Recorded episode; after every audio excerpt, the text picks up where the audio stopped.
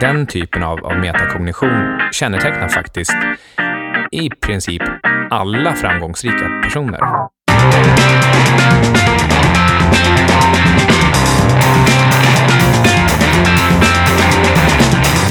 Du lyssnar på 25 minuter, en konversation om personlig utveckling. Producerad av Trade Venue AB. Vi har ett syfte i det här programmet och det är att ge verktyg och inspiration till förbättring. Jag heter Carl Mikael Syding och jag har jobbat som finansanalytiker och portföljförvaltare i över 20 år. Numera ägnar jag mig åt skapande i blogg, podd och bokform. Med mig har jag alltid Ludvig Sundström.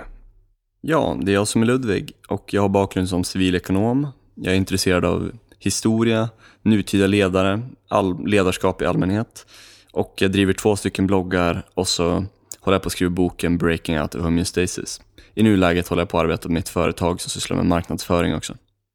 Det här är avsnitt 15 och vi ska prata om olika sorters intelligens. Du är förstås intelligent. Frågan är bara hur. Och vilken sort? Du Micke, vi kan ta och hoppa till dagens huvudpoäng faktiskt. Nu på momangen. Mm, kul. Det blir lite, lite fart på det här programmet. Ja. Lite snurr. Eh, lite snurr, lite snurr i magen. Eh, dagens poäng, huvudpoäng är att alla framgångsrika försätter sig i en situation där, eller en situation eller en miljö där deras unika talang kommer till maximal nytta. Det låter väl nästan självklart. Det var ju synd att sätta sig i ett icke-optimalt sammanhang och kämpa i motvind. Om man, om man studerar många personer som har varit framgångsrika, inte bara nu men rent historiskt, alla möjliga sorters personer, folk som varit lyckade inom alla möjliga områden, så märker man att det här är ett väldigt tydligt mönster. Det är inte alltid att de har varit några universalbegåvningar, utan många personer har varit specialister och blivit väldigt lyckade, men de har verkligen gjort det genom att försätta sig i en situation där deras unika talang och intelligens har kommit till maximal nytta. Så att de bara fått syssla med vad de varit bäst på och de har ofta, de har ofta liksom kommit i, i en industri eller en, ett företag eller någonting sånt där vad de är bra på har kommit till extra stor användning och nytta. Det finns en del historiska exempel också på människor som först har varit i ett icke-optimalt sammanhang, kanske ledda av tidens strömningar, att det är så här man ska göra. Och, och, där har de inte alls fungerat. Men sen har de testat sig fram, snubblat sig fram och till slut hamnat i ett optimalt sammanhang där deras styrkor just har fått eh, eh, dels komma fram, eh, men framförallt just fått, eh, fått den hävstång de behövde.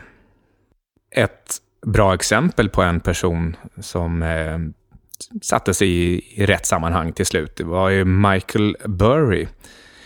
Möjligen har ni sett filmen eh, The Big Short eller läst boken. Det handlar om en, en eh, mycket duktig investerare som eh, såg att husbubblan i USA skulle spricka och han hittade på ett bra sätt att ta position på, på den kraschen övertygade Goldman Sachs om att eh, fixa fram de instrument han behövde. Så tog han positionen. Hans kunder var ganska otåliga och ja, många hoppade av innan, innan han fick rätt. Men så 2008 så kom kraschen och eh, han tjänade en himla massa pengar både åt sig själv och de kvarvarande kunderna. Eh, det intressanta med det här är att Michael Burry han är inte diagnostiserad med Asperger, men, men han själv tror att han har Asperger och hans son har definitivt Asperger. Jag tror att han har Asperger utifrån att ha sett honom. Ja, men eh, eh, det är nog ganska gjutet att han har Asperger. Det är bara det att han har helt enkelt inte diagnostiserat sig. Och varför skulle han göra det? Det finns ingen poäng när han är vuxen att, att få en diagnos på, på vem han är. Han vet redan vem han är. Men till saken här hör att han skulle ju egentligen bli neurolog. Det, men ja, av lite olika anledningar så fungerade inte det särskilt bra. Men däremot så kom hans mönstersinne, känsla för detaljer, eh, matematiska intresse och så vidare. Eh, och samtidigt det här singulära fokuset som eh, en högfunktionell Asperger kan medföra. Mm. Allt det här passade ju perfekt in på just den här ja, på, dels på finans i stort, men eh, inte minst de här komplicerade eh, prospekten som måste läsas i detalj för att kunna genomskåda eh, husbubblan och dessutom ta, eh, ta positioner på den. Och eh, eh budskapet här, vårt positiva budskap, det är väl egentligen liksom att, som vi började, du, du är intelligent, du är kompetent. Det finns en plats för dig där du verkligen kan blomstra och skapa värde för både dig själv och andra. Det, och, och, tack vare allt det här vi säger om det moderna samhället och teknologin så, så kan du också hitta det stället. Ja, TCI. Vi snackade om John Malone för några avsnitt sedan, eh, om jag inte minns fel i det avsnittet om synergistiska processer. Och eh, då fanns det en kille som var högt uppsatt i TCI som hette Leo Hindery. Och han jobbade då för det här företaget TCI som en slags högst uppsatt chef som jobbade med mergers and acquisitions. Hindry här, han, var, han hade en väldigt stor talang för försäljning och tjänat eh, kanske en miljon dollar eller något sånt där. För att han var en oerhört duktig säljare. Och säljare tjänar alltid bra pengar vad de än gör. Men när det kom till TCI och jobba med mergers and acquisitions, då hade han inte kunnat vara i en bättre miljö som passade hans specifika talang för att verkligen se vad motparten behövde. Han hade en särskild talang som enligt eh, John Malone eh, var särskilt lämpad för förhandlingar. Så att han kunde alltid bara sätta fingret, ingen annan kunde sätta fingret på vad den andra motparten eh, exakt ville ha ut av en viss deal. Men den här Leo Hindry, han kunde direkt se, se på något undermedvetet sätt vad den andra personen ville ha och säga det. Och det gjorde att han kunde fatta beslut oerhört fort och övertyga personer oerhört fort eh, för TCI. Då. Och det gjorde att de hade en extrem, eh, ja en extrem competitive advantage när, när det gällde att köpa upp andra cable, ja, kabelföretag. Liksom. Jag kan säga att den där talangen har, har jag absolut inte. När vi eh, i, i skolan, på Handelshögskolan, då, läste bland annat boken Getting to Yes i eh, Eh, det fanns något ämne som hette förhandling eller förhandlingsteknik, så, mm. så förstod jag knappt vad vi pratade om. Nu är det inte det helt ovanligt, men, men just i det här fallet så, så kunde jag inte sätta mig in i hur, hur den andra tänkte eller skulle vilja ha, eller hur man skulle kunna lösa den här eh, förhandlingsknuten. Jag, jag, jag kunde egentligen bara tänka på att jag vill ha det här och då vill antagligen den andra också ha exakt samma sak. Därför så, så finns det, ingen, det finns inget förhandlingsutrymme, var min, min liksom grundinställning. Budskapet här är inte att du ska ha just den talangen eller att du måste ha en sån supertalang. Jag kan till och med jag kan komma med ett exempel till på hur jag inte hade den talangen heller. Och det är att eh, när, när jag började besöka eh, företagschefer i min roll som analytiker och även tidigt som förvaltare, så, så fick jag ofta frågan vad, vad tyckte du om vdn? Är det, är, det en, är det en bra vd? Och jag blev ju helt, helt perplex, helt ställd av den typen av fråga. Hur, hur ska jag kunna veta om, om det där är en, en bra person eller en pålitlig person? Eller hur, hur då intryck av vdn. För för mig så handlade det bara om siffror, om fakta, om ja, eh, konkret information om, om, om världen.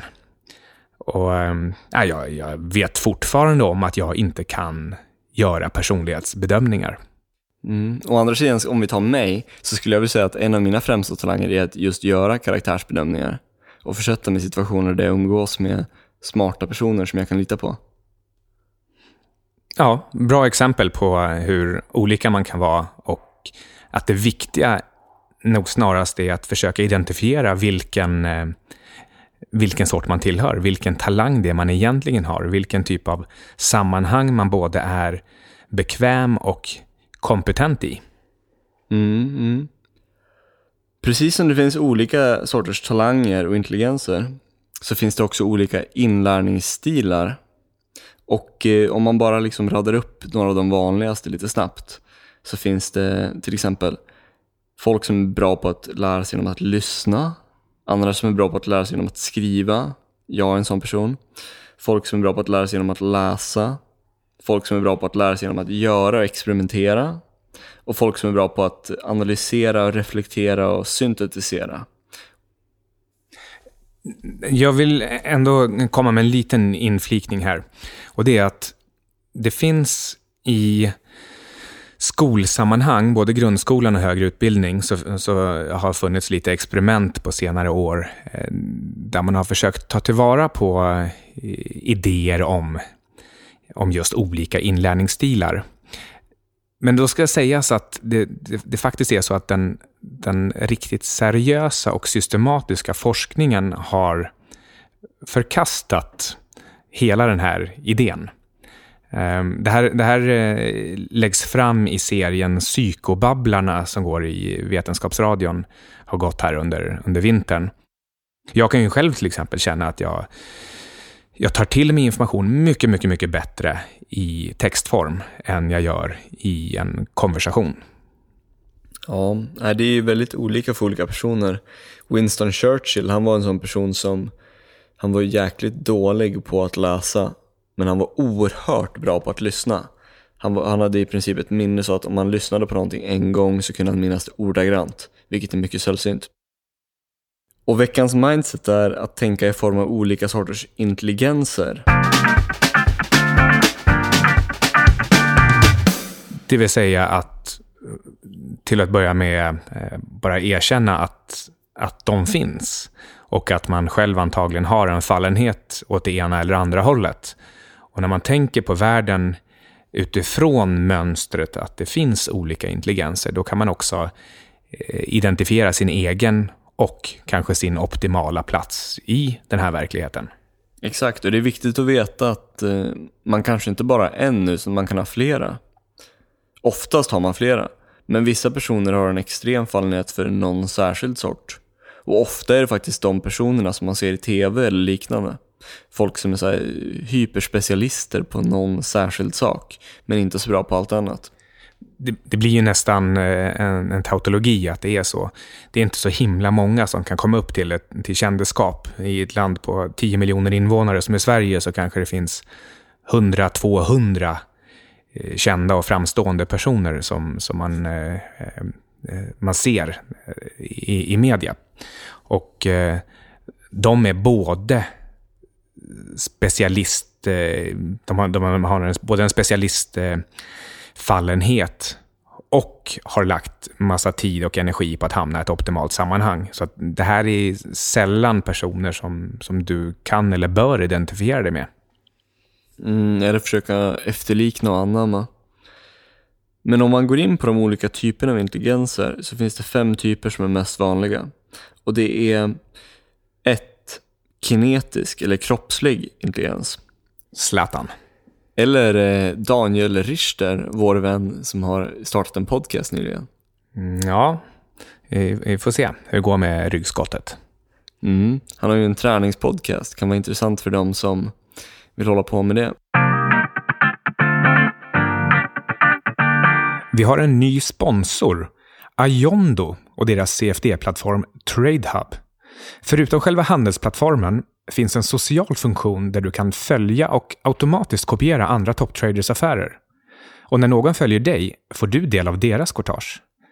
Fram till den 11 mars har Ayondo ett erbjudande.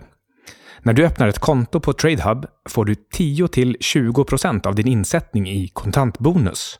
Dock max 2000 euro. Så gå in på ayondo.com Sätt in minst 500 euro och skicka ett mail till support.ayondo.com med ditt namn och kontonummer och säg att du vill ta del av New Client Offer. Nummer två. Social och emotionell intelligens. Nummer tre. Musik och kreativa saker. Ja, musikartister och sådana saker som man skulle kunna säga. Men folk som i allmänhet är lite kreativa. Eh, utan att kanske träna upp det naturligt. Vilket, jag skulle inte säga att jag är kreativ naturligt. Men jag är kreativ tack vare att jag tränar upp det på många sätt. Även matematiker kan faktiskt hamna i precis samma folla som, eh, som musiker. Och sen nummer fyra, hög IQ och logisk förmåga. Ja, det här är ju den, den klassiska. Det är härifrån eh, hela den här terminologin med intelligenskvot eller IQ, IQ kommer ifrån. Och den har, den har liksom fått sätta agendan. Den har nog satt agendan så till den grad att du som lyssnar till och med tycker att ja, men IQ är ju den enda intelligensen och de här andra är lite påhitt för att trösta de som inte har hög IQ. Men så är det inte. Särskilt inte i dagens samhälle när vi har en massa olika sorters teknologier. När vi har YouTube-stjärnor och allt vad fan det är liksom. Eh, massa sådana där saker. Och det är, visst, eh, det, det fanns inte för typ 20 år sedan. Men nu finns det. Och det kommer finnas mer sådana saker i framtiden. Exponentiellt. Ja, ta till exempel eh, Pewdiepie, vars videor när han spelar datorspel och kommenterar dem med diverse eh, infantila utrop och miner. Jag har tjänat mycket mer pengar än jag någonsin kommer göra. Det finns ingen anledning att ha en, en hög IQ i det sammanhanget. Sen kanske han har det också, det vet jag ingenting om. Men det är inte den han drar nytta av i de videorna. Och om man går vidare till den sista sortens intelligens. Analytiska förmågor och hög metacognition. Ja, metakognition som i princip handlar om att eh, göra en eh, analys av analysen eller tänka om att tänka.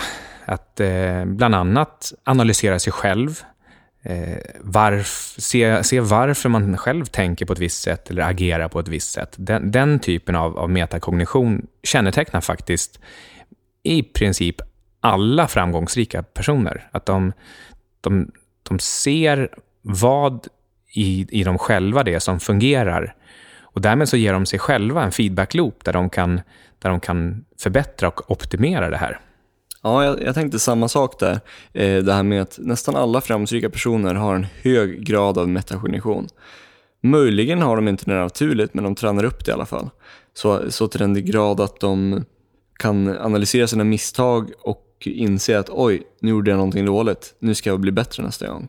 Och oj, det här var inte bra. Varför gör jag så här? Eh, jo, det kanske beror på det och det och det. Och nå grundorsaken och försöka ta bort den.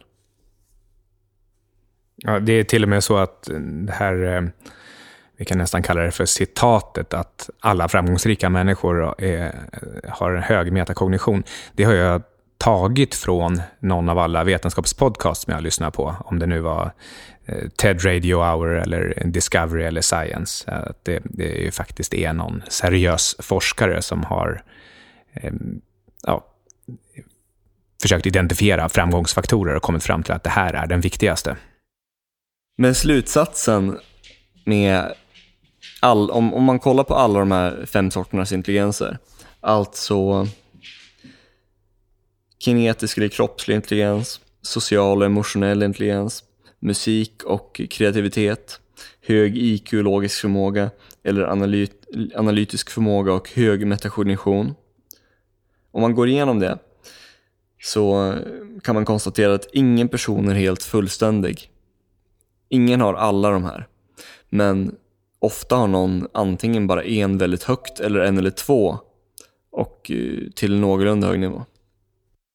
Som sagt så eh, metakognition är en, en eh, viktig egenskap för, för framgång och eh, en av historiens mest framgångsrika personer är ju Rockefeller.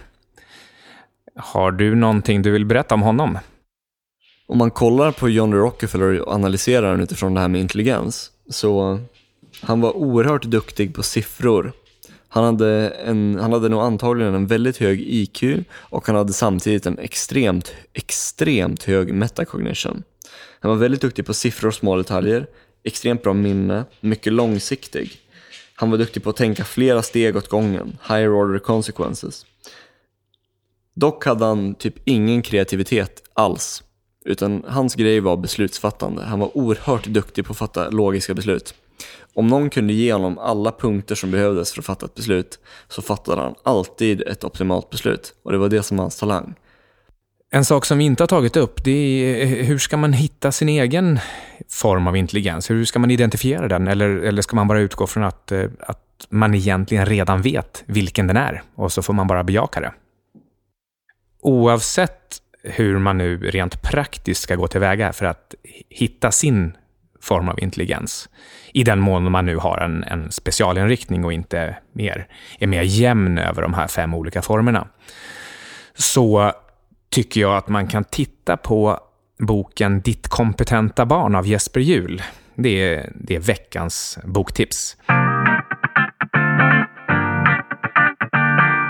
Boken är egentligen en slags barnuppfostringsbok, eller barnuppfostransbok, med vinklingen att man inte alls ska uppfostra sina barn, utan man ska bevittna sina barns uppväxt. Ditt, ditt barn kommer utvecklas till sin egen person nästan oavsett hur du gör. Och det är bättre ju mer du håller dig ur vägen och, och inte, inte beordrar och styr och, och försöker forma och uppfostra barnet, utan du, du ska istället du, kan, du utgör gärna en, en god förebild. Någon att ta efter, någon som ger ett positivt exempel. Men, men att, att hålla på och beordra och, och varna och styra, det, det är det som är eh, en, en källa till, till väldigt mycket problem här i världen, anser eh, Jesper Juhl. Boken innehåller mycket, mycket fler matnyttiga och intressanta saker och, eh, övertygande exempel. Eh, och jag tycker att den här ska man läsa oavsett om man är förälder eller inte. Om man har en särskild av de här intelligenserna som vi snackade om innan, de här fem intelligenserna. Det är lätt hänt att det som man själv är naturligt begåvad i uppskattar man mer och tänker att andra personer som har det så tänker man att de är extra bra. Bara för att de också har det. Ja, det känns ganska naturligt. Mm. Inom psykologi så brukar det ibland kallas för familiarity bias.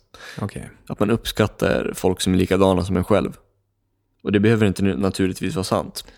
Nej, och det, och det hänger lite grann ihop med här också med att eh, eh, IQ-skalan har fått sätta, sätta agendan, sätta standarden för Eh, att mäta viktiga former av intelligens. Då blir det bara den, den logiska eh, IQ som, som gäller. Nu är det dags för veckans tips. Och veckans tips är att eh, alltid ifrågasätta framgångsrika personer som ger tips och tänka hur passar det här in på min sorts personlighetstyp eller intelligens? Vem är det som säger det här? Vilken sorts karriärbana har den här personen valt? Eller kanske blivit framgångsrik inom? Vilken intelligens har den här personen haft?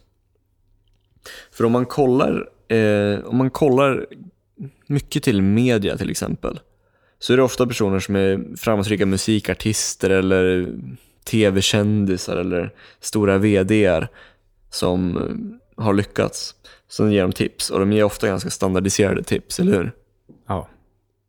Och eh, ett vanligt sånt där tips som jag stör mig ganska mycket på det är det här med liksom att följa sitt hjärta eller eh, vad man nu säger. Liksom. Och det, visst, det kan, det kan ju vara ett bra tips för vissa personer, men det är inte ett bra allmänt tips. Det kan vara ett bra, all, det kan vara ett bra tips specifikt för folk som kanske är väldigt kreativa i sin intelligens.